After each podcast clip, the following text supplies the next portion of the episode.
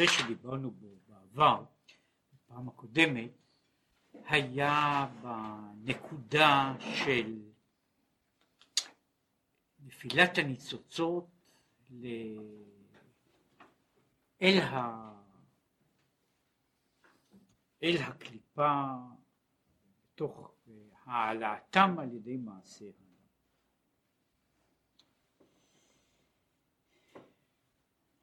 כמו על דרך משל, בערך באמצע החלק השני של העמודה. כמו על דרך משל, מגרעין הנזרע בארץ, שעל ידי הריקבון שנרקב ונפסד בארץ, הוא צומח אחר כך בתוספת רב וכיתרון האור מן החושך. כן, הגרעין שזורעים אותו בארץ צומח בעצם, מדבר על זה שיש יש כאילו הפרדוקסליות של הזריעה. כאשר זורעים, אני לוקח גרעין טוב, אפשר היה לאכול אותו, ואני זורק אותו לאדמה. לא זו בלבד שאני זורק אותו, אלא אני משאיר אותו שם, ואני משאיר אותו עד שירכב. משום שכל עוד הוא לא נרקב, הוא גם לא צומח. צמיחתו היא תלויה בזה שהוא קודם ירכב וייפסד. ואחר כך הוא יכול, הוא יכול לעלות ולצמוח מתוך זה. כלומר, הירידה של הגרעין לארץ, הוא רואה את, את, במובן הזה את ירידת הנפש לעולם הזה כמו סוג של זריעה, זה הכתוב אגב, זרעתי עלי בארץ. כן? כן, יש פה סוג של זריעה, הקדוש ברוך הוא זורק פה נשמה אל הארץ, ו... והיא צריכה לצמוח. עכשיו, כמו שהוא מסביר במקום אחר, יותר מאשר במקום אחד, את התהליך, מה קורה לגרעין שצומח בארץ. הגרעין הזה אם הגרעין היה נשאר כשלעצמו, רוצה להישאר גרעין, הוא היה נשאר באמת גרעין, ו... ולא היה עולה ממנו דבר. כדי שהגרעין יצמח, הוא במובן מסוים מוותר על, ה... על עצמותו הטהורה. כדי באיזה מידה לבנות, לקרוא לזה, לבנות אינטראקציה. אם הוא רוצה להישאר לבדו, נקי, בלתי פגוע, הוא נשאר אה, כמו שהיה, אבל הוא איננו יכול לצמוח. התהליך של הצמיחה הוא כדי שהגרעין יוכל לשאוב מן האדמה מה שיש בה, הגרעין צריך לאבד את מהותו העצמית ולהישאר רק בבחינה של כוח שיכול להצמיח דברים מן הקרקע. שהרי בסופו של דבר, זה שמן הגרעין יוצאת שיבולת, או יוצא אילן שלם, איננו מכוחו של הגרעין. זאת אומרת, החומר הנוסף הזה איננו של הגרעין. החומר הזה בא מבחוץ. אבל הגרעין איננו יכול לקלוט את החוץ הזה, איננו יכול לאבד אותו לצורה של גרעין. לצורה שלו, אלא כאשר הוא נזרע בארץ. עכשיו, אותו תהליך קיים, הוא אומר, למעשה הנפש נזרעת בארץ. זהו היזרעאל בעניין הזה. הנפש נזרעת בארץ, והיא מפסידה את טהרתה, את הנשמה שנתת בי טהורה היא, שוב אין הנפש יכולה לקיים בעולם הזה. לו אם הנשמה הייתה נשארת באותו, באותה דרגה של, של ניקיון וטהרה כמו שהייתה בתחילתה, לא היה לה שום קשר עם העולם. הנפש במובן מסוים חייבת לבנות דרך כל המתווכים אינטראקציה עם המציאות. מכוח זה היא יכולה לצמוח. כן, השאלה בצד האחר לכאורה, מכיוון כמו שהוא אומר במקום אחר אם כוח הצמיחה מצוי בארץ, אם הארץ או, ה, או השמש או האוויר או הדו תחמוצת הפחמן הם מספקים לצמח את כל, ה, את כל, ה, את כל הסובסטנציה שלו, כן לשם מה זקוקים אנחנו לגרעין. כיוון שכל הסובסטנציה הזו באה מבחוץ ולא מן הגרעין, לשם מה אנחנו נזקקים לגרעין. מבחינה מסוימת הגרעין עושה מה שדיברנו על זה בפעם הקודמת, כוח הצמיחה הוא אה, כללי, מה שהוא קורא במקום אחר הוא כוח היולי, כללי, לא מוגדר, שאיננו מצמיח כשלעצמו שום דבר. הגרעין הוא בעצם מה שנשאר מן הגרעין, וזה אגב נכון בכל מיני תהליכים כיוצא בזה, מה שנשאר מן הגרעין נשאר הקו המנחה שהגרעין על ידו מתעל את הדברים שהוא מקבל מן, ה, מן הקרקע, מן האוויר, מן השמש. זאת נאמר, נאמר ככה, ה-DNA של הגרעין הוא המנחה את הדברים שהם יגיעו בכיוון מסוים, שיפנו בצורה מסוימת. עכשיו מבחינה זו הנפש האלוקית שנזרעת בעולם, כלומר שהיא מבחינת עולם התיקון, היא תופסת את המציאות של החומר, של הניצוץ, הניצוצות שמסביב לה, והיא צריכה להעביר אותם דרך עולם התיקון, כדי שהם יקבלו במובן הזה דמות אדם. כן? משום שכל עוד הם במהותם החופשית, הם אה, קוצים, דרדרים, ברקנים וכיוצא בזה, המקסימום שצומח אם לא זורעים, אם לא זורעים דברים. כן, הזריעה הזו בארץ היא כדי ליצור אה, דבר שינחה את כוח הצמיחה לכיוון מסוים. עכשיו באותו אופן הניצוצות הפזורים אינם יכולים לעשות לעצמם שום דבר, אף על פי שהם נותנים את הם המקור של העוצמה.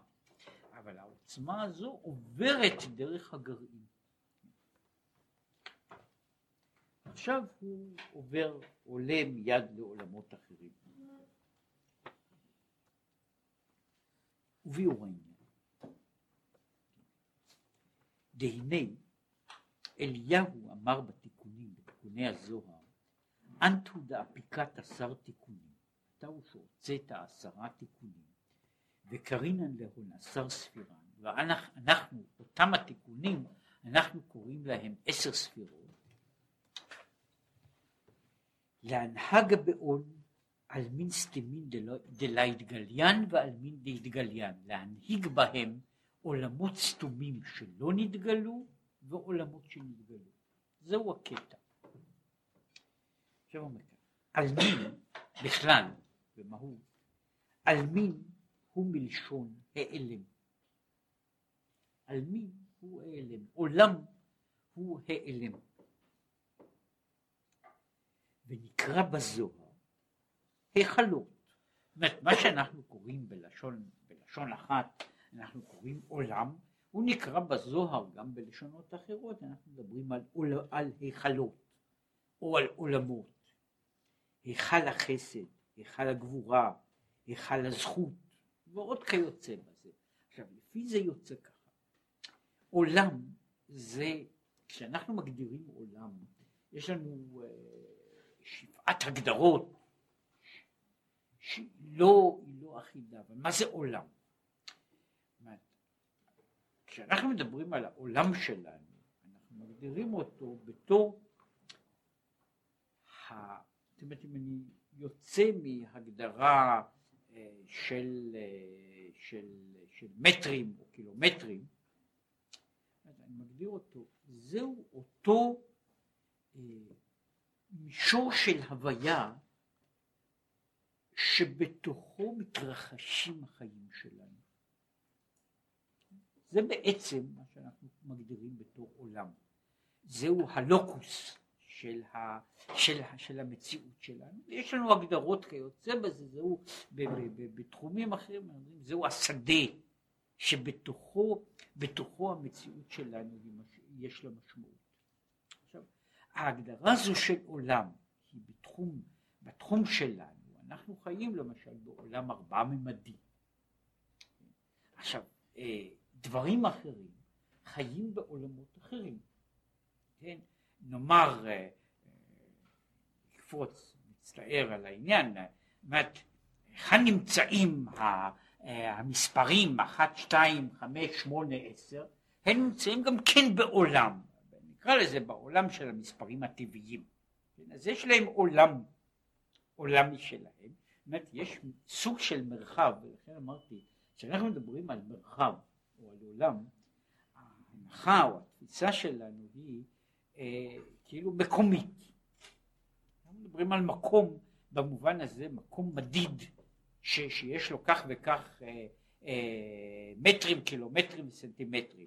עכשיו אנחנו מדברים, כשאנחנו מדברים על העולם בכלל, אנחנו מדברים על, על אותו מרחב שבו הוויות מסוימות קיימות. ויש מרחבים שונים שחלקם הם מרחבים חומריים, חלקם הם מרחבים רוחניים, חלקם הם מרחבים משולבים, שהם העולם של, שלנו או של דברים אחרים. בהיקף מצומצם, וזה מה שאנחנו מדברים גם, שהוא מביא פה את העניין הזה של עולם היכל החסד, היכל הגבורה, היכל הזכות, הם מה שקוראים עולמות פרטיים. הם עולמות קטנים בתוך עולם, משום שלהביא לדוגמה, מהו העולם של אדם? עכשיו אם בן אדם מסתכל על עולמו, יש אנשים שהעולם שלהם הוא רחוב וחצי. וזהו כל העולם שלהם. ניקח דוגמה, מהו העולם של, של, של תינוק בן שנה? גם לו יש עולם. עכשיו העולם שלו, אלא אם כן נולד שם, לא מכיל את טיבט. אבל העולם של רוב האנשים, שוב, מחוץ לאלה שגרים שם, גם כן איננו מכיל את טיבט. הוא, זאת אומרת, הדבר הזה, העולם, העולם שבו, שבו אדם חי, הוא עולם קטן בתוך עולם יותר גדול. כן? אומרת, נכון שיש, שאני נמצא כאילו בתוך מרחב גדול או יותר גדול ובתוך תפיסה יותר ויותר גדולה, אבל יש העולם, עולם חיים שלי, שהוא העולם, הוא המרחב שבו החיים הפרטיים של אדם מסוים, זהו העולם שלו. עכשיו העולם שלו הוא, אם אנחנו מדברים על אדם, העולם של האדם הוא עולם שיש לו גם, גם ממדים רוחניים, וגם הם תלויים במהות שלו, כן? יש, יש אנשים שהעולם שלהם איננו מגיע למעלה מהחגורה, כן? יש אנשים שיש להם עולם יותר גבוה, אבל כל, ה, כל העולמות הללו, כל העולמות הללו שיש לאנשים שונים, לפרטים שונים, להוויות שונות, אלה הם עולמות בתוך, בתוך עולם יותר גדול. זה מה שאנחנו מגדירים עולם, שהוא המרחב שבו דברים מסוימים מתרחשים. יש לנו גם עולמות יותר לא חומריים, שהם גם כן העולם שבו דברים מסוימים קיימים.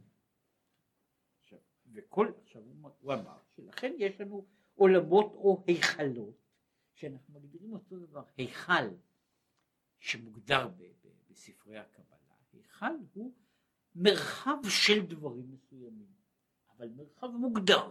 כן? אנחנו מדברים על היכל הזכות, או על היכל, או על היכל, יש היכל למשל שנקרא היכל הניגון, כן? יש היכל ש, שהוא נקרא היכל הזכות, כן? ו, ו, אחת, יש הרי הרבה הסברים אה, מדוע שאומרים שהחזנים הם שוטים. יש המון, יש רשימה, רשימה, אפשר לאסוף, אני חושב שאני יודע עשרה כאלה, כן, שעל דרך הפשט והדרש וה, וההלכה וה, ומדעי הטבע ואחד ההסברים הוא על דרך הקבלה. שאומרים ככה, שידוע שהיכל התשובה נמצא ליד היכל הנגינה. עכשיו, מכיוון שלא ראינו שום חזן שעבר מעולם הנגינה לעולם התשובה, שמע מינה שהוא שותה. אם זה כל כך קרוב, מדוע הוא לא קפץ לצד השני? אז שמע מינה שהוא שותה, כן? בכל אופן, חוץ ממה שיש בזה לעז על, ה, על, ה, על החזנים, אבל אז יש היכל הנגינה. יש היכל, שהוא מה שקוראים לזה, אם הייתי מגדיר אותו, יש המרחב של המוזיקה. כן? אז זה מרחב מסוים של, של המוזיקה, זה מרחב ממין מסוים שהוא לא בהכרח מרחב חומרי. כן? יש המרחב של המוזיקה, ואני יכול לדבר על העולם של המתמטיקה באותו אופן. יש המרחב שבו הדברים הללו אה, נעשים ומתרחשים וכיוצא. אנחנו מדברים פה על היכלות שנמצאים בעולמות אחרים. עכשיו, בתוך כל היכל יש נשמות שנהנים מזיו השכינה. יש בכל היכל יש לו נשמות שלו. ומלאכים שעומדים באהבה ויראה ופחד. אם כן, יש, יש בעולם הזה יש לו הנשמות שלו, המלאכים שלו, כמו, אנחנו אומרים למשל, יש מחנה מיכאל של בחינת אהבה, מחנה גבריאל בחינת יראה ופחד, וכמאמר חז"ל, שיש נהר דינור יוצא מזיעתן של החיות, שהחיות מלאות אימה והן מזיעות והזיעה שלהן יוצרת את נהר דינור. כן? אז יש מלאכים שמזיעים מפחד. כן? עכשיו יש מלאכים שהם מלאים אהבה והם לא מזיעים. כן? עכשיו יש מלאכים מסוגים שונים, ממינים שונים, שהם שייכים שוב בעצם לעולמות, כל אחד. עכשיו ואומרים שירה, כל אחד ואחד לפי השגתו. כשאנחנו אומרים שהמלאך אומר שירה, יש מלאך גדול ומלאך קטן, וכל מלאך יכול להגיד שירה לפי המדרגה שלו, כן? זאת אומרת לפי ההשגה שלו, לפי המדרגה שלו, הוא אומר שירה. ומהבחינה הזו העולם, העולם מלא, זאת אומרת בכל עולם כזה יש לו המלאכים שלו, שהם גם כן בדרגות שונות, והם אומרים שירה. וההיכל הוא בחינת כולל שכולל כל הפרטיות שבתוכו. זאת אומרת, מה שאמרתי, זהו מרחב שלם שכולל מספר גדול של פרטים ויכול לכלול בתוכו גם חדרים. זאת אומרת, שוב, עולמות יותר, יותר קטנים, יותר מוגדרים, יותר מצומצמים, כמו היכל החסד, כללותו הוא חסד, והפרטיות שבו הוא חוכמה שבחסד, חסד שבחסד. כן, יש, יש בתוך היכל החסד, יש חדרים, יש חוכמה שבחסד ויש חסד שבחסד, יש גם גבורה שבחסד, וכל אחד מהם הוא שוב עולם שוב, מרחב שבו נמצאים פרטים שיכולים להיות לאין מספר. בכל אה, העשר ספירות, אומר, הוא כמשל העיגול או הבית שכוללים כל הפרטיות שבתוכם. זאת אומרת, לכן הוא מדבר, אנחנו מדברים על עיגול, שהוא אגב מוגדר אה, מתמטית, עיגול הוא סוג של דבר שהוא כולל כולל הקו של, של המעגל הוא, הוא הדבר הזה שיש בו מספר כזה וכזה אינסופי של נקודות שנמצאות כולן במרחק שווה מנקודה אחת. כן? עכשיו זוהי הגדרה של העיגול. עכשיו העיגול הוא מכלול ובתוך נאמר בתוך עיגול יש, לנו כך וכך יחידות שהן כולן נמצאות בתוך העיגול והן מוגדרות בתוך המרחב הזה. אותו דבר שאני אומר בית. בית הוא מרחב מסוים, מרחב חומרי. בתוך המרחב החומרי הזה יש אה, היצורים שחיים בבית? חדריו ויצוריו של הבית הזה. וזהו פירוש. להנהג בהון על, על מין. על מין הם בחינת ההיכלות, בחינה הכוללת, ולהנהגה מה זאת אומרת להנהיג בהם? הוא בחינת הפרטיות שבתוכם.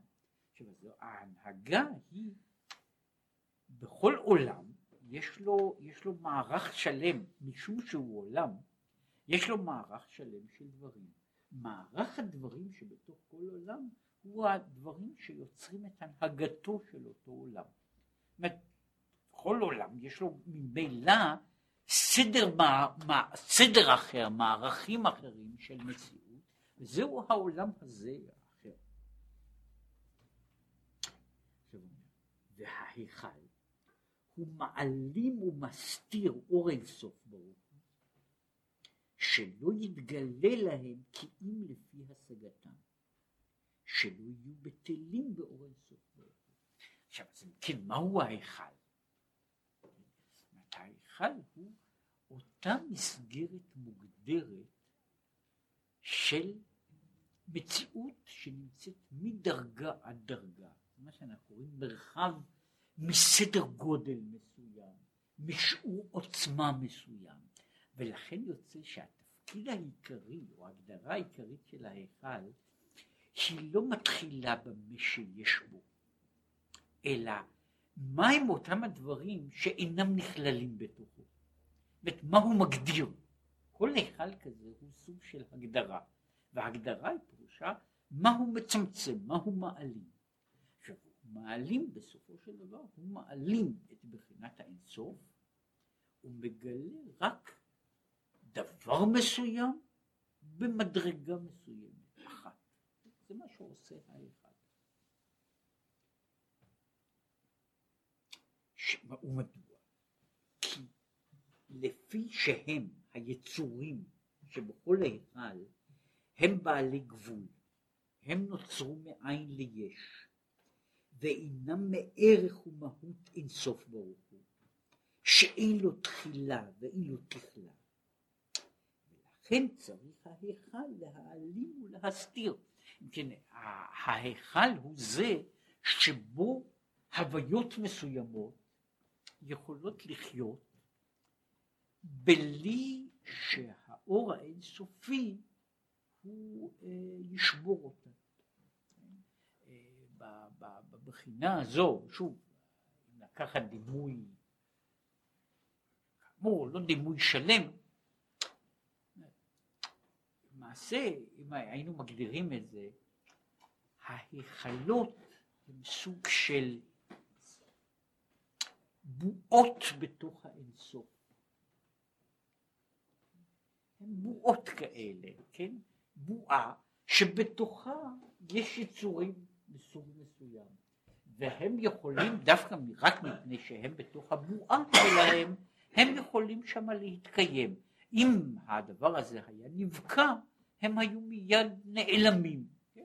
זאת יש, יש בועה, יש היכל, שבו נמצאים שהתפקיד שלו, הוא מגדיר את זה, אנחנו רואים בדרך כלל את העולם בתור מבחינת, מבחינתנו כפרטים או כפרטי פרטים בתוך עולם. ואנחנו רואים את העולם בתור המציאות שבה אנחנו מתקיימים, מרחב החיים שלנו. אבל הוא אומר למעשה העולם, ההגדרה הראשונה שלו היא גבולות מסוימים מכאן עד כאן, שהם מונעים את הדברים האחרים מלהגיע אל תוכו, ואשר על כן הברואים שבפנים יכולים להתקיים. אמרתי אם אנחנו נמצאים, נקרא לזה נניח בתוך הארץ הזו, הגשמית.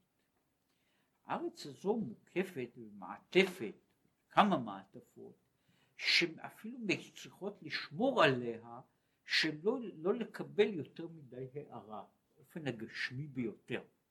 כן? משום שאם אה, העולם שלנו יקבל יותר מדי אור, הוא, אה, הוא יכלה. היצורים של העולם הזה אינם יכולים לקבל יותר מכמות מסוימת של קרינה. כן? לקחת את זה, זו לא קרינה אינסופית, אבל זו קרינה מעבר ליכולת הקיבול שלהם. ולכן הדבר שמקיים אותם הוא זה שיש להם מגן, ששומר, הדבר הראשון שהוא שומר שרק כמות מסוימת נקות מסוימת של קרינה תגיע אליהם, וכל השאר יצא החוצה. עכשיו הוא אומר, כל עולם הוא ככה.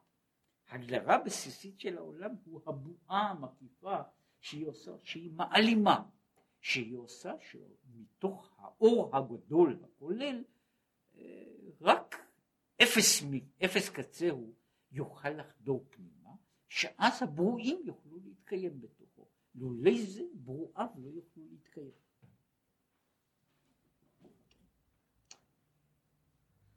ואז הוא אומר, אפילו בבחינת אצילות, זאת אומרת, הוא בחינת אורות וכלים, כן, מה שהוא מגדיר שוב, בכל עולם, אף על פי שיש לדברים הללו שמות שונים בכל עולם ובכל היכל, והברואים של כל עולם יש להם שמות אחרים. מכל מקום יש, יש מה שהוא קרא במבנה הכולל שהוא קורא לו על עולם שנה נפש, כן? אני אומר, העולם הוא המרחב של הדברים, השנה הוא ה... מה שהיינו קוראים לו באופן מופשט. יש שנה בעולם שלנו שהיא אה, הממד האחר של המציאות. כשאנחנו מדברים על שנה בעולם לא חומרי, אנחנו מדברים בעצם על השינוי. זה מוגדר בכמה מקומות שזה הבסיס של השנה, זה הדבר הזה שמשתנה. אותו אלמנט של, של תנועה שעושה שהעולם לא יהיה סטטי. שהוא עושה משום כך מה שקוראים במקום אחר, מדבר על, מדובר על זה, זמן במובן המוגדר, כמו שאנחנו מבינים אותו, קשור דווקא לעולם פיזי. אבל קדימה ואיחור אינם קשורים לעולם פיזי. קדימה ואיחור יכולים להיות מושגים מופשטים שאין להם שום ערך זמני, אלא הם למשל כשיש משפט ותוצאה, יש לנו פה קדימה ואיחור. כשאני בונה מבנה הגיוני שבנוי באופן לוגי מ-A ועוד B שווה C, יש לי פה כאילו מבנה של קדימה ואיחור. המבנה הזה של קדימה ואיחור הוא לא זמני, כן? אין, לו, אין לו שום נגיעה בתפיסת הזמן כמו שאנחנו קולטים אותה, אבל יש לו קדימה ואיחור לוגיים, כן? אז כך שיש שם המצב הזה, הדבר שמשתנה, שיוצר לפני ואחרי באיזשהו משמעות, כן?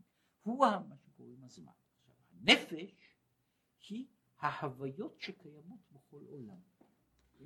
שהן בעולמות מסוימים הם נפשות, בעולמות אחרים הם הוויות אחרות שאינן נפשות כמו שאנחנו מכירים אותן, אבל בכל עולם יש לו את ברואיו של העולם הזה, מה שקוראים לזה יצורי עולם, כמו שהם נקראים בסדר התפילה, כן? יש יצורי עולם שהם יצוריו של העולם ויש לו את המרחב שלו, מרחב ההוויה שלו, שיכול להיות מקומי או לא מקומי, ויש להם את, את העניין, את, את, את הנקודת ההשתנות שלהם, שזה ממד הזמן שלהם. עד שבהשתלשלויות רבות נעשה שמיים וארץ גשמיים. עכשיו, מה, מדוע אנחנו מדברים על השמיים והארץ הגשמיים כנקודה נמוכה? שאין נראה בתוכם אלוקות כלל.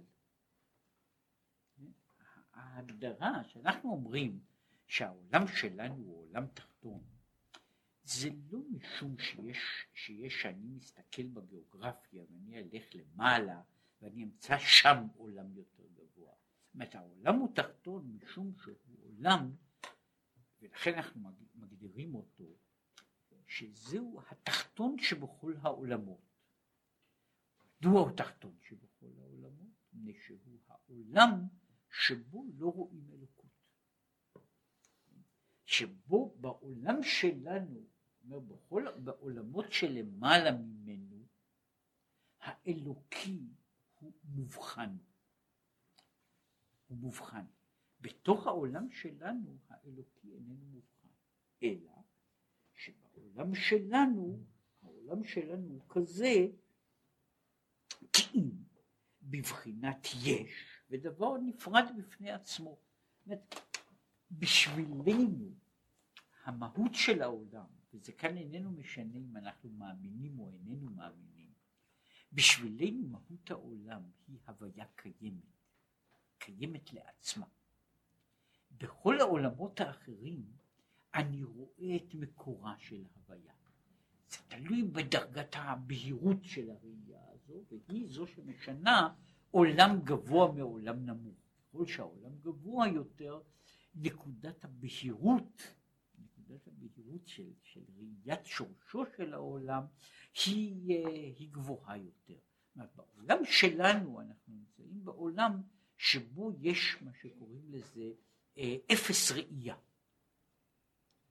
בעולם שלנו, העולם שלנו נראה לנו במהותו כקיים מעצמו ובתוך עצמו. לכן הוא אומר, וזהו, בחינת סיטרא אחרא. הסיטרא אחרא, וכאן אנחנו מתחילים בזה, הסיטרא אחרא היא ההנחה של קיום של מציאות מבלעדי השם. עכשיו, סיטרא אחרא יכולה להיות זדונית, זדונית, מרושעת, עוינת, אבל סטרא אחרא איננה מתחילה מן העוינות, אלא היא מתחילה מן האחרות. היא מתחילה מתוך ההגדרה של אני קיים. יש, הנה, זו, זו הדבר. עכשיו, הדבר הזה יכול להיות מבחינה כלפי האלוקי, להיות לגמרי ניטרלי, לגמרי ניטרלי. הוא, זה לא רלוונטי בשבילו, הוא יכול להיות גם עוין, אבל הנקודה הזו היא, היא משנית, היא משנית לעצם העובדה הזו שיש לי פה מציאות שעומדת לעצמה, שעומדת מציאות לעצמה. אם מגדירים, ובמקום אחר הוא מגדיר את זה, אומר, ההגדרה הבסיסית של עבודה זרה היא שאני מגדיר בעצם שיש כוח אחר עצמאי מחוץ לקדוש ברוך הוא. זוהי עבודה זרה. עכשיו, מה אני עושה לעבודה הזרה הזו? כן? אם אני מקריב לקורבנות אדם, רק מקריב לה, כמו שאנשים מקריבים לעצמם, אה, לפעמים לחם וחמאה בלבד, כן? אבל זו, זה רק שאלה, זוהי שאלה שוב של, של, של כמויות, זאת לא שאלה של איכות, נקודת האיכות היא ברגע שאני מניח שיש עוד מציאות שהיא עצמאית, אומרת, יש דבר, ועל זה הוא מדבר, שזה עניין של הסתרת פנים, שיש מה שנקרא, שאף על פי שיש לו משמעות אחרת, אני והוא. יש לנו איזה קשר הדדי. זהו קשר אחר.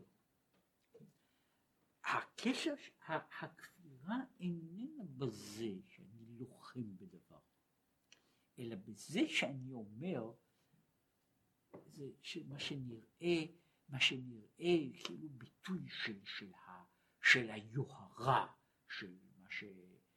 זה כנראה המילה בעברית לזה, להיבריס. המילה בעברית היא כנראה רהב.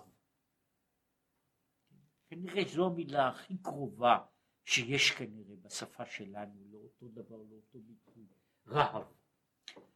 עכשיו, הרהב הזה, הוא יכול להתבטא בצורה שהיא מגדירה, פרעה אומר, לי יאורי ואני עשיתיני. אני עשיתי את עצמי. עכשיו, אני עשיתיני הוא לכאורה ביטוי מתחריף, אבל הוא במובן מסוים, הוא הביטוי, זו בעצם ההרגשה של כל אדם בעולם, של המציאות של העולם. זאת אומרת, אני מרגיש מציאותי היא שלמה בתוך עצמי. היא לא תלויה, היא לא תלויה מציאותי כשלעצמה, היא עצמאית. היא דבר, אני עשיתי לי. עכשיו, העניין הזה, ברגע שמישהו אומר, יש כאן הבדלים והבדלי מדרגה, מי שאומר שאין לו אב ואם, יצר את עצמו, הוא בריאה מסוג אחד. כאן נוצרת נקודת החיתוך. עכשיו השאלות הפרטיות, איך הוא מתייחס לאב המוליד, היא כבר שאלה אחרת. אבל קודם כל יש נקודה שאני אומר, אני עשיתי את עצמי, אני הוויה, הוויה שלמה בתוך עצמה. מה שהוא רוצה לומר זה שהעניין הזה, העניין הזה, הוא תלוי בהסתר הפנים שיוצר את ההרגשה הזו בעולם. זאת אומרת, העניין הזה איננו, איננו מתחיל מן החטא, אלא הוא תלוי במציאותו של העולם. אנחנו נולדים לתוך עולם כזה, שבתוכו מציאות העולם, מציאות העולם כעולם, היא הוויה לעצמה. אני אינני רואה אותה. אני אינני רואה אותה. יש uh, ספר קדום שיש לו כאילו לרעיון הזה יש כמה וכמה אופנים ו, ו, ו, ו, ודרכים, אבל באחד מה, מה, מה, מהנקודות של, שלו, יש, יש זה, זהו אה, מופיע, כנראה שזה דבר מאוד עתיק, אבל הוא מופיע בעיקר בספרות הפילוסופית הערבית, הוא כמין אה, סיפור משל בסיסי, כן, על, על, על, על ילד ילד, הרב והתלמיד, כן, שהם נקלעו לאי בודד. כאשר התלמיד איננו רואה בכלל את המושג של הורות. הוא יודע את עצמו כהוויה שלמה, והוא איננו מכיר בכלל את המושג הזה של ההורות. הוא תמיד קיים.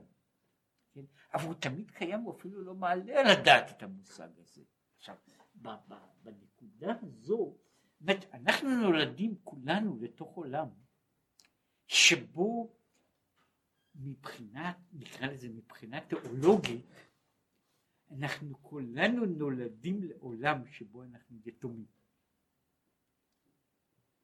זוהי התפיסה הראשונית שלנו, אנחנו נולדים כאילו אה, הוויות, הוויות ספונטניות.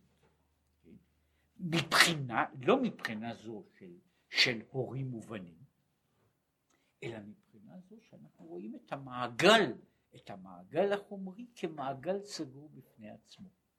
זהו המעגל של, נקרא לזה מעגל היתמות של העולם כעולם.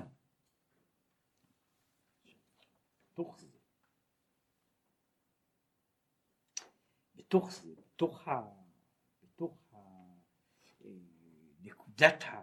בתוך הנקודה הזו, בתוך העולם הזה, שהוא אומר שלכן הוא אומר הוא עולם תחתון, שאין למטה ממנו, מפני שפחות מאפס ראייה, זאת אומרת פחות מניתוק, אנחנו לא יכולים להגיע, משום שכל מה שקורה הלאה, גם העולם שאנחנו קוראים לו, של הקליפה, הקליפה האפלה, הוא כל כולו רק פיתוח של אותו דבר בעצמו. אומרת, מתוך העולם הזה הוא יכול, הוא מתחיל מניטרלי ומטה? אבל הוא מבוסס על, על, על נקודת הבסיס שהוא עצמאי, שהוא משהו, מה שקוראים, בל, מה שאמרתי בלשון אחרת, אנחנו קוראים לזה עבודה זרה. אני מניח, יש כוח אחד שהוא עצמאי, הוא פועל בעצמו לעצמו, לא זקוק. וזהו עניין, ירידת הנשמה לעולם הזה השפל דווקא. הנשמה מכל היכל שהיא נמצאת בו, שבכל היכל שהיא נמצאת, היא נמצאת בדרגה אחרת של תודעה, הנשמה שולחים דווקא לעולם שלנו, כן? שהוא העולם לעולם השפל, דווקא, שזו ירידה לצורך עלייה, כדי לאחפיה לסטרה אחרה, על ידי סור מרע. ועל ידי זה הסתלק יקרא דקודשא בריחו בכול הוא עלמין. על ידי זה מתעלה כבודו של הקדוש ברוך הוא בכל העולמות. מה שקורה הוא שהאדם צריך ליצור בתוך העולם את הפרדוקס. זאת אומרת, הוא צריך ליצור בתוך העולם, הוא נולד בתוך עולם ש, שמבחינת ההוויה, מבחינת הרגשתו העצמית, אין בו אלוקים. כשהוא כופה את הסטרה אחריו, הוא שובר בעצם את המציאות של העולם. הוא שובר את המציאות של העולם לא ב... לא ב, ב, ב, על, ידי, על ידי זה שהוא עושה עולם, הוא עושה איזושהי, אה, איזשהו ניפוץ. הוא שובר את העולם כמסתיר, כמגדיר. למעשה מה, שה, מה שהאדם עושה בעולם הוא שהוא כאילו אומר, למרות שהעולם שלי הוא עולם, ובהגדרתו כעולם, הוא עולם שאיננו מכיר באלוקים, אני בכל זאת יוצר את ההכרה הזאת, ולכן אני עושה שהעולם מפסיק להיות עולם. עולם במובן של ההיעלם, העולם הזה כבר איננו העלם. אני שברתי את המסגרת, את הבועה הזו של, של המציאות של העולם. ולכן הוא אומר, מתעלה כבודו של הקדוש ברוך הוא, כאשר הוא כופה את הסטרה אחריו, מתעלה כבודו של הקדוש ברוך הוא בכל העולמות, משום שעל ידי זה, באופן מסוים, האדם שובר מסגרת העלמה של העולם, שהיא כאילו כעצם קיומו של העולם. כן? עצם קיומו של העולם. אומרת, ברגע שאני, שאני בתוך העולם עושה חור בהיעלם, כן? העולם כבר איננו עולם, כן? הוא כבר דבר אחר. עכשיו, איך אני עושה את החור הזה בתוך המציאות? זאת אומרת, כל העניין הזה של האחווה סתר אחריו, הוא בזה. כמו שהוא אומר פה, סתר אחריו איננה חייבת להיות מוגדרת בהגדרה, בהגדרה אחת, חד משמעית, כן, שזה שד עם שש קרניים. זה יכול להיראות הרבה יותר נחמד, כן? הרבה יותר נחמד, בדרך כלל הוא נראה ככה, כן? אה, הרבה יותר נחמד. עכשיו, הבעיה היא שהוא סטרה אחריו בזה שהוא אומר, אני כאן. כשאני כופה אותו, כשאני כופה אותו, אני באיזשהו מובן, באיזשהו מובן, אני מכחיש במציאותו הבלעדית. כשאני אומר, כשאני בונה כאילו עולם מתוך סדרו, מתוך מהותו של עצ... שלו עצמו, אז איך העולם שלי נבנה? נבנה לי עולם, נבנה לי עולם, שבו כל כולו הוא סדרה אחריו, בצורה כזו, בצורה אחרת. זהו העולם. אלה הם הכוחות הפועלים. ברגע שאין אני מודה שהכוחות הפועלים הללו הם אלה ששולטים עליי, ואני מקבל על עצמי מרות אחרת, באותה שעה אני שברתי את ההיעלם.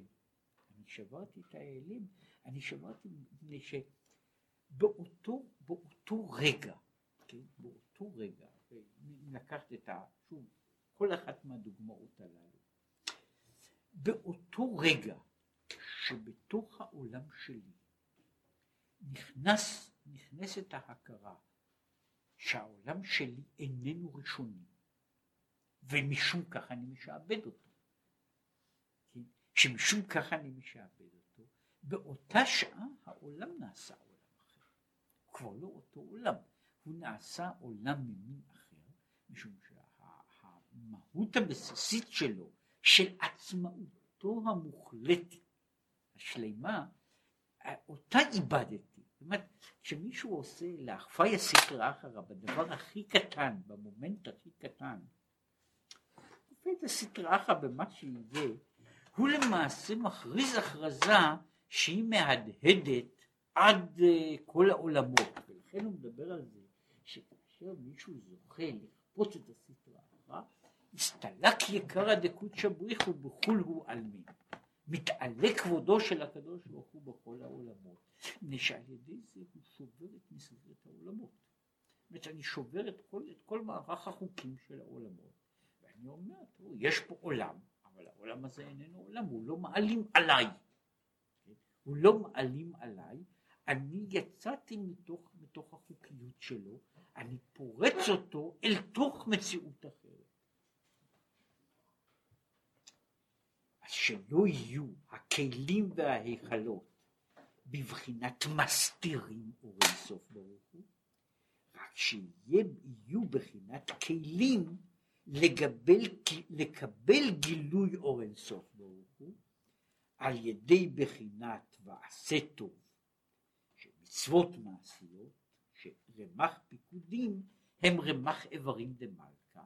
עכשיו המצווה המעשית היא לפי זה, היא מכניסה את האלוקי בתוך העולם. ושהוא אומר שזה רמ"ח איברים דמלכה, כשאני בונה מצווה, אני בונה פה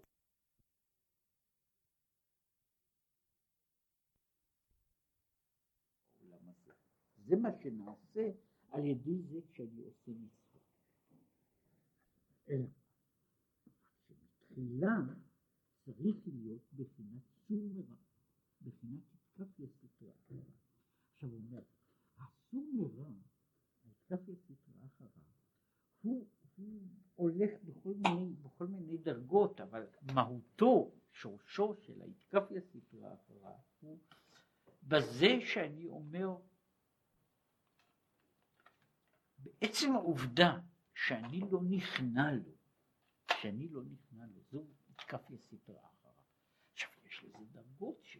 מפני שלפעמים הוא מגיע אליי בצורה יותר חמורה, יותר חריפה, התקפיה סטרה אחרה אה, עולה בדרגות אה, כמעט לאינספור, לאינספור התקפיה סטרה אחרה, משום, ש, משום שסטרה אחרה מופיעה מופיעה בכל מיני, בכל מיני צדדים ובכל מיני צורות ובכל מיני אה, דרגות של עוצמה. כן? אבל התמצית הראשונה היא, כאן מסביר אותה. מה עושה במובן מסוים, לכאורה השאלה הזו, מדוע צריך להיות צור מרע, כף יסתרה אחריו, ואחר כך עשה טוב? מפני שהעשה טוב כשהוא עומד כאילו כמעשה מבודד לעצמו, הוא מעשה חסר משמעות. אם הוא לא נעשה מתוך כפיית העולם, הוא, נעשה, הוא, הוא דבר שהוא חסר משמעות. זאת אומרת, אני עשיתי פעולה מסוימת, אני, אני אקח דוגמה שאולי אולי לא דוגמה טובה ביותר.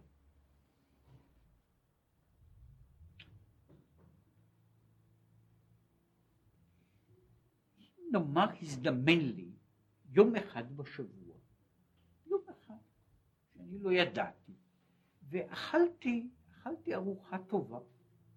זה קורה לכל מיני אנשים בלי צורך בצדקות מיוחדת. עכשיו נפל, התברר שנפלתי בדיוק ביום השבת. עכשיו השאלה היא האם קיימתי מצווה? האם קיימתי מצווה? עכשיו אם הדבר הזה שום משמעות אני לא עשיתי שום מצווה. כן? האיש הזה ש, ש, שמצא, שמצא לולב מונח, כן? והוא אומר, נו טוב, הלולב הזה עומד פה, כן? והוא מפריע לי בדרך, כן? אז אני לוקח אותו ומעביר אותו למקום אחר, שהוא לא, שהוא לא, הוא לא יתלבט לי בין הרגליים. כן? אז הפעולה הזו היא לא בונה את השיעור קומה. מתי נבנה השיעור? בזמן שיש לי לולב, דרך משל, ואיך להגיד את זה, אני מרגיש שזה מחויבות, אני צריך לעשות לאחווה סטרא אחרא, אני צריך לעשות מהי אחווה סטרא אחרא, יכול להיות שאני עכשיו לא מתחשק לי לנענע אותו, כן? באותה שעה המעשה קיבל משמעות, המעשה קיבל מובן, ואז הוא בונה את העולם הזה, וכמו שכתוב תטורו אחרי לבבכם ואחרי עיניכם. על ידי זה הסתלק יקר הדקודשא ברוך ואזי יכולים לקבל על ידי בחינת ועשה טוב, גילוי אור אינסוף ברוך הוא למטה, על ידי רמ"ח מצוות עשה. כי, דאורייתא התורה מן החוכמה המצוות הן רמ"ח המשכות מחוכמה הילאה, ולכן נקראים איברים דמלכא, המכלול של המצוות, כמשל האיברים שנמשך בתוכם חיות מהמוח. וכנראה בחוש, שבמוח מרגיש כאב של כל האיברים. זאת אומרת, המוח הוא המרכז החיים של כל האיברים, והוא מרגיש את הכאב של כולם, ולכן במובן הזה הבנייה מתחילה מן המוח ומטה. וכמו כן, על ידי המצוות נמשך אינסוף ברוך הוא, מבחינת חוכמה עילאה, וגם לעלמין סתימים, גם לעלמין להתגליה. עכשיו, זה היה, זו הייתה יציאה לרגע אחד, כאילו עלינו לעולמות אחרים, אנחנו הרי עסקנו פה בארץ ישראל, עסקנו בארץ ישראל, ובשאלה, שוב מה, ש, מה שדיברנו, הבעיה שהוא עוד יגיע אליה, בעיית המרגלים, מדוע הם לא רוצים לבוא לארץ ישראל, והתמצית כמו שראינו, הייתה בעצם אותה תמצית. אה, כבר הזכרתי הרבה פעמים, לצערי אני לא יכול לשיר את השיר הזה, הווריאנט החבדי של השיר הוא, אה, הוא הולך בערך המילים, צר לי על המנגינה, כשהנשמה יורדת לתוך הגוף היא צועקת וואי וואי וואי. כך מתחיל, כך מתחיל השיר בווריאנט הזה. באמת, ו, ואז ההמשך הוא שאומרים לה ירידת צורך עלייה הוא עד שכל זה הוא כדאי. כן? אבל כשהנשמה יורדת לתוך הגוף היא לא רוצה, היא בעצם לא רוצה, מפני שהיא עומדת להפסיד את טהרתה, להפסיד את הכרתה, והיא יורדת לתוך עולם שבו היא מאבדת את כל הדברים הללו. היא מאבדת את כל הדברים הללו. אם, אם, אם היו אומרים לבן אדם, כן, לפעמים מאיימים על מישהו שסופו שיתגלגל בכלב, בחמור, או בתולעת, או בתפוח אדמה, אז אה, אין דעתי, אין דעתי נוחה מזה שאני אהיה, שאני הולך להיות תפוח אדמה. נחשוב על העניין, איך מרגישה, איך מרגישה הנשמה, שבעצם אומרים לה משהו שהוא הרבה יותר גרוע, כן? אני אומר לה להיכנס לתוך דבר שהוא פחות מאשר תפוח אדמה בשבילה. כן? עכשיו, העניין הזה של הירידה, הוא, הוא הסביר אותו שהבעיה הזו של הירידה מן המופשט והנגלה אל העולם הזה הוא הירידה, שהוא בעצם התכלית של, של ירידת העולם. אבל התהליך הזה הוא לא, הוא לא עניין פשוט, כן? אני יורד, כן? ירדתי קומה אחת, כן? אני יורד פה למציאות לגמרי אחרת. וזוהי הירידה של אל תוך, אל תוך העולם הזה. כמו שהוא יסביר אחר כך, הבעיה של, של המדבר וארץ ישראל הוא במובן מסוים היה, היה בו אותה, אותה בעייתיות של הכניסה אל תוך העולם של החומר. כניסה אל תוך העולם של החומר. כי לגבי המדבר שלהם, הכניסה לארץ ישראל הייתה במפורש ההשתעבדות לתוך מציאות שבה כל הערכים הם ערכים שהם נמדדים הרבה מאוד במדידות חומריות. חמוריות, רשמיות וכיוצא בזה. עכשיו, כדי, השאלה למה זה, ומה שהוא פה דיבר על העניין שזה בכל זאת כדאי.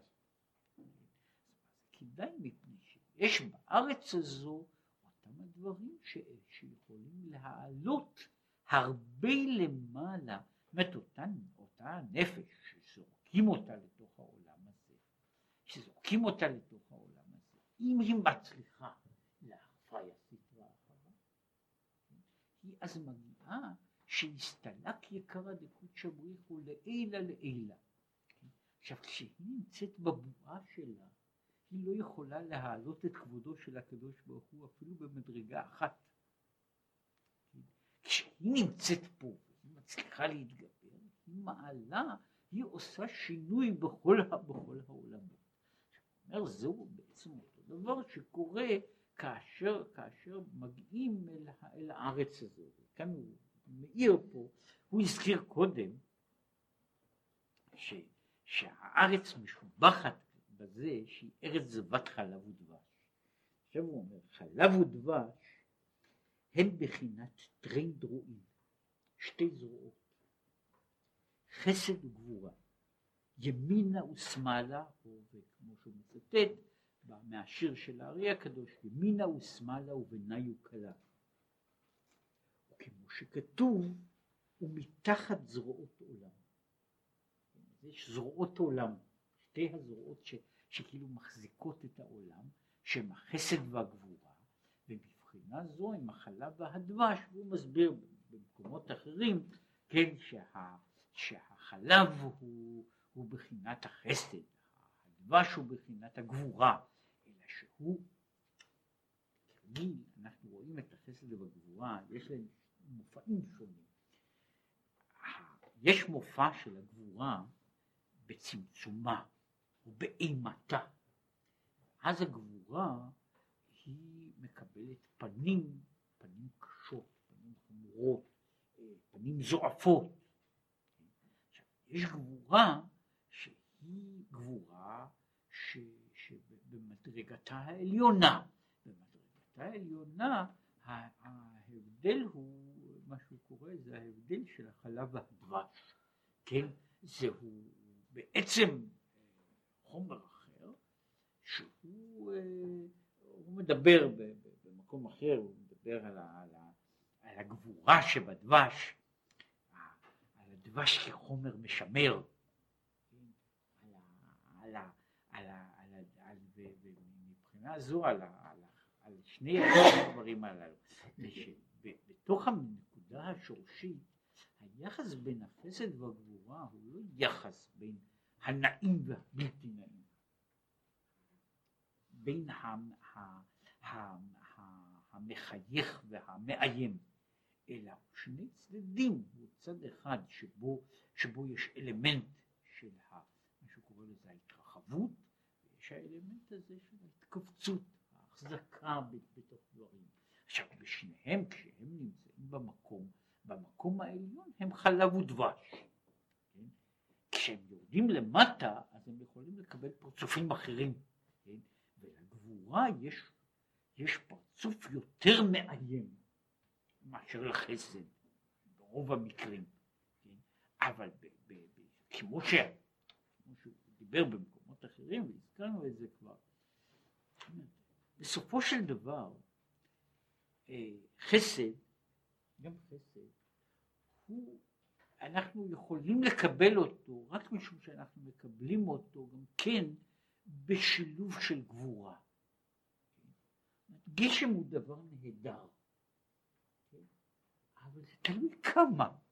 כן, כשהגשם עובר מידה מסוימת, זאת אומרת שיש לי קצת יותר מדי חסד, כן, אז החסד מתחיל להיות, קודם הוא נעשה מטרד, אחר כך הוא נעשה מפגע, ואחר כך הוא נעשה, הוא נעשה איום, ובסופו של דבר הוא יכול להיות ממית לא פחות מאשר, באמת בסופו של דבר אפשר למות בעודף של מים כמו בחוסר של מים, אותו דבר, באמת בן אדם יכול למות גם במדבר וגם בים, כן? אפילו בים כנרת, מימיו המתוקים, אומרת, החסד, מבחינה זו החסד והגבורה, זאת אומרת שאנחנו מחלקים ביניהם, זה לא חלוקה של טוב ורע, זה רק חלוקה של שני עולמות, של שני עולמות, שבעצם מה שאנחנו מקבלים, מה שאנחנו רוצים, זה שהם יבואו לנו בצורה נינוחה, כן? שהם יהיו ממותנים ומסווגים ככה שאנחנו נוכל להשתלט עליהם, כן? שהם יהיו במידה שלנו. שהם יוצאים מעבר למידה שלנו, שניהם יכולים להיות מאיימים באותה מידה עצומה, כן? שזה אגב נכון גם לגבי, אה, יש כך וכך דוגמאות, אבל זה נכון לגבי כל הדוגמאות שבעולם, כשם שאפשר ל, ל, ל, ל, לגרום ייסורים על על ידי חסר, אפשר לגרום ייסורים גם על ידי עודף. וכמעט בכל חוש שבעולם. זה רק שאלה מהי המידה שבה נקרא לזה הדבר שהוא נעים הופך להיות לבלתי סימפטי ואחר כך למכאיב. זו שאלה של, של גבולות ומבחינה זו אני אומר ככה הדברים מה שאנחנו קוראים להם הדברים הטובים והדברים הרעים הם נמצאים רק בגבול קטן מאוד של מרחק זה מזה. אבל כמו שאומר, במתק... בשורשם, בעליונותם, יש לנו חלב ודבש. אומר, הארץ הזו, הארץ החומרית הזו, ארץ ישראל היא ארץ זבת חלב ודבש, משום שבה יש שהיא בחינת המשכת אלוקות על ידי מצוות מעשיות, ומה חברים דמלכה. אומר, זוהי הארץ, זה מה שהוא אומר, שטובה הארץ מאוד מאוד, שזוהי ארץ, ארץ זבת חלב ודבש, הוא אומר, זוהי הארץ שמכילה את זה. ארץ ישראל מכוונת כנגד ארץ ישראל שלמעלה. שארץ ישראל היא גם כן העולם, הלוקוס, של מה שהוא קורא לו, של השכינה. מה שהוא אגב דיבר על זה, וזה, לכן הציטוט היה במקום, שיש ימינה ושמאלה ובעיניי וקלה, שהיא השכינה. אז יש חסד, חסד וגבורה, וכאילו ביניהם נמצאת המלכות. הארץ נמצאת מתחת זרועות עולם, זה אותו דבר. זה בעצם בדימוי אחר, כשאנחנו מדברים על הדימוי של מתחת זרועות עולם, זה אותו דימוי של כאילו הארץ שנמצאת בין הזרועות. בין, בין, בין החסד והגבורה נמצאת הארץ, שאחד הכינויים שלה, של הארץ, הוא כלה. כן? הזכרתי שלמשל שבלכה דודי יש מעגל של דימויים, ששם יש המעגל שעובר אה, ירושלים, כן? העיר, הכלה, כן, שהם כולם דבר אחד, אלא שהם מופיעים בכל חרוז, הם מופיעים בהשתקפות אחרת, שהמחבר אה, משחק בדימויים השונים, כן, בקלה, בארץ, כן, באותם, באותם, באותם, באותם הדברים עצמם, וכאן אומר ארץ ישראל היא בעצם הקלה שנמצאת בין, בין שתי הזרועות, זה מה שהוא קורא לזה, שהיא ארץ זבת חלב ודבש, כן? שנמצאת בין החלב והדבש, כן? שם נמצאת, שם נמצאת הארץ, שהיא מכוונת כנגד הארץ העליונה, שהיא המקום שבו הדברים הללו חלים. לכן הוא אומר, לכן עיקר המצוות הוא בארץ ישראל דווקא, שארץ ישראל שהיא כנגד הארץ העליונה היא המקום שבו, שבו המצוות חיות בשלמותן. מקומות אחרים הם כאילו בזווית. באמת, אם, אם להעמיד את זה, שזה שוב מצטער על, על, על עולם הדימויים, אבל יש, יש, יש דברים שנמצאים מול האור ממש, שיש פרויקציה, הטלה ישירה. פרויקציה ישרה לגמרי, בלי עיוות. אז שם יש התמונה של מעלה, תמונה, תמונה אחת, בדיוק מצטיירת כמות שהיא, בתוך מדרגה אחרת. עכשיו, כשאני מסיט את הדברים, זה לא מכוון, אז אני מקבל תמונה חלקית, שבה חלק מהדברים נמצא, חלק איננו נמצא. בדברים האלה של פרויקציות, אני יכול לעשות למשל עיגול בפרויקציה מסוימת, הוא הופך להיות לאליפסה, אבל ויכול להפוך לצורות שונות אחרות, הוא יכול להפוך אפילו לקו. כן? זה תלוי רק באיזה, באיזו הטלה אני מטיל אותו. עכשיו, ארץ ישראל הוא מכוונת נגד הארץ העליונה במובן הזה שכאן יש פרויקציה שלמה של מתחת זרועות עולם. במקומות אחרים יש, יש זוויות. יש זוויות. ולכן מה שהם מקבלים, לא, הם לא מקבלים עולם שיש בו כל המצוות, אלא רק חלק מן ההערה, כמו שיש, יש מקום שבו האור זורח ממישרים, ויש צדדים בצד שהוא קורא לזה שהם אינם מכוונים, שבהם יש רק חלק ממנו, כן? זה מה שהוא קורא שחוץ לארץ נמצא במעגלים שבהם יש חלק מן האור, פחות אור ועוד פחות אור, שבסופו של דבר כל העולם הוא כנגד הארץ העליונה, אבל הוא לא מכוון, כן? הוא לא מכוון, ולכן הוא נמצא באיזה עיוות, כן? אז יש שם עיוותים, כן? ובמקום, במקומות אחרים הוא מדבר על זה שבכל ארץ בעולם יש, הוא קורא לזה, יש הקליפות של אותה מדינה, כן? ושפירושו של דבר יש העיוות הספציפי ששייך למקום הזה והזה. בכל מדינה יש לה עיוות משלה. ארץ ישראל היא צריכה להיות ה, ה, המקום שבו אין עיוות, שבו יש שהיא מכוונת, שהיא מכוונת כנגד התמונה שלמעלה, של, תמונה שלמעלה בשלמותה. ולכן הוא אומר, זה משהו, כשהם מדברים על זה שהארץ היא ארץ זבת חלב ודבש, זה בעצם מעלתה של הארץ. שבתוך הארץ הזו אפשר להגיע, כן, אני יכול להגיע לזרועות עולם. לזרועות עולם, אני נאחז, אה, נאחז בקדוש ברוך הוא. מכאן, לעמוד, אבל מכאן, אתה מדבר על זה, מדוע המרגלים כן, לא רצו להגיע אל הארץ. המרגלים לא רצו, כמו שדיברנו על זה, המרגלים לא רצו להיכנס אל סיכון של הארץ. לא רצו להיכנס לסיכון שם. ארץ זבת חלב ודבש זהו הצד של, הצד העילוי של הארץ. זה הצד, מה קורה כשאני כובש את הארץ. אבל כשהארץ אוכלת אותי, זה הסיכון שלה. הסיכון ש, שיש בתוך הארץ. כן, עכשיו, הם לא רצו להיכנס לסיכון. הם רצו להישאר, מה שקוראים לזה בדיוק בתוך הבועה שלהם. הם נמצאים במדבר, מוקפים בעמוד, בענן, בענני הכבוד, והם אומרים, טוב לנו שם, טוב לנו שם. אנחנו נמצאים שם, נכון, וזה זה הצד האחר, בתוך, בתוך העולם הסגור הזה אין, אין מקום לעלות למעלה, אין הרבה מקום, אבל הם העדיפו את העולם ההוא. וכאן, כאן למעשה כל, כל המאמר הזה הוא מדבר על היחס שיש בין מה שהוא קורא לזה מדוע המרגלים לא רוצים ומדוע בכל זאת צריך לעשות.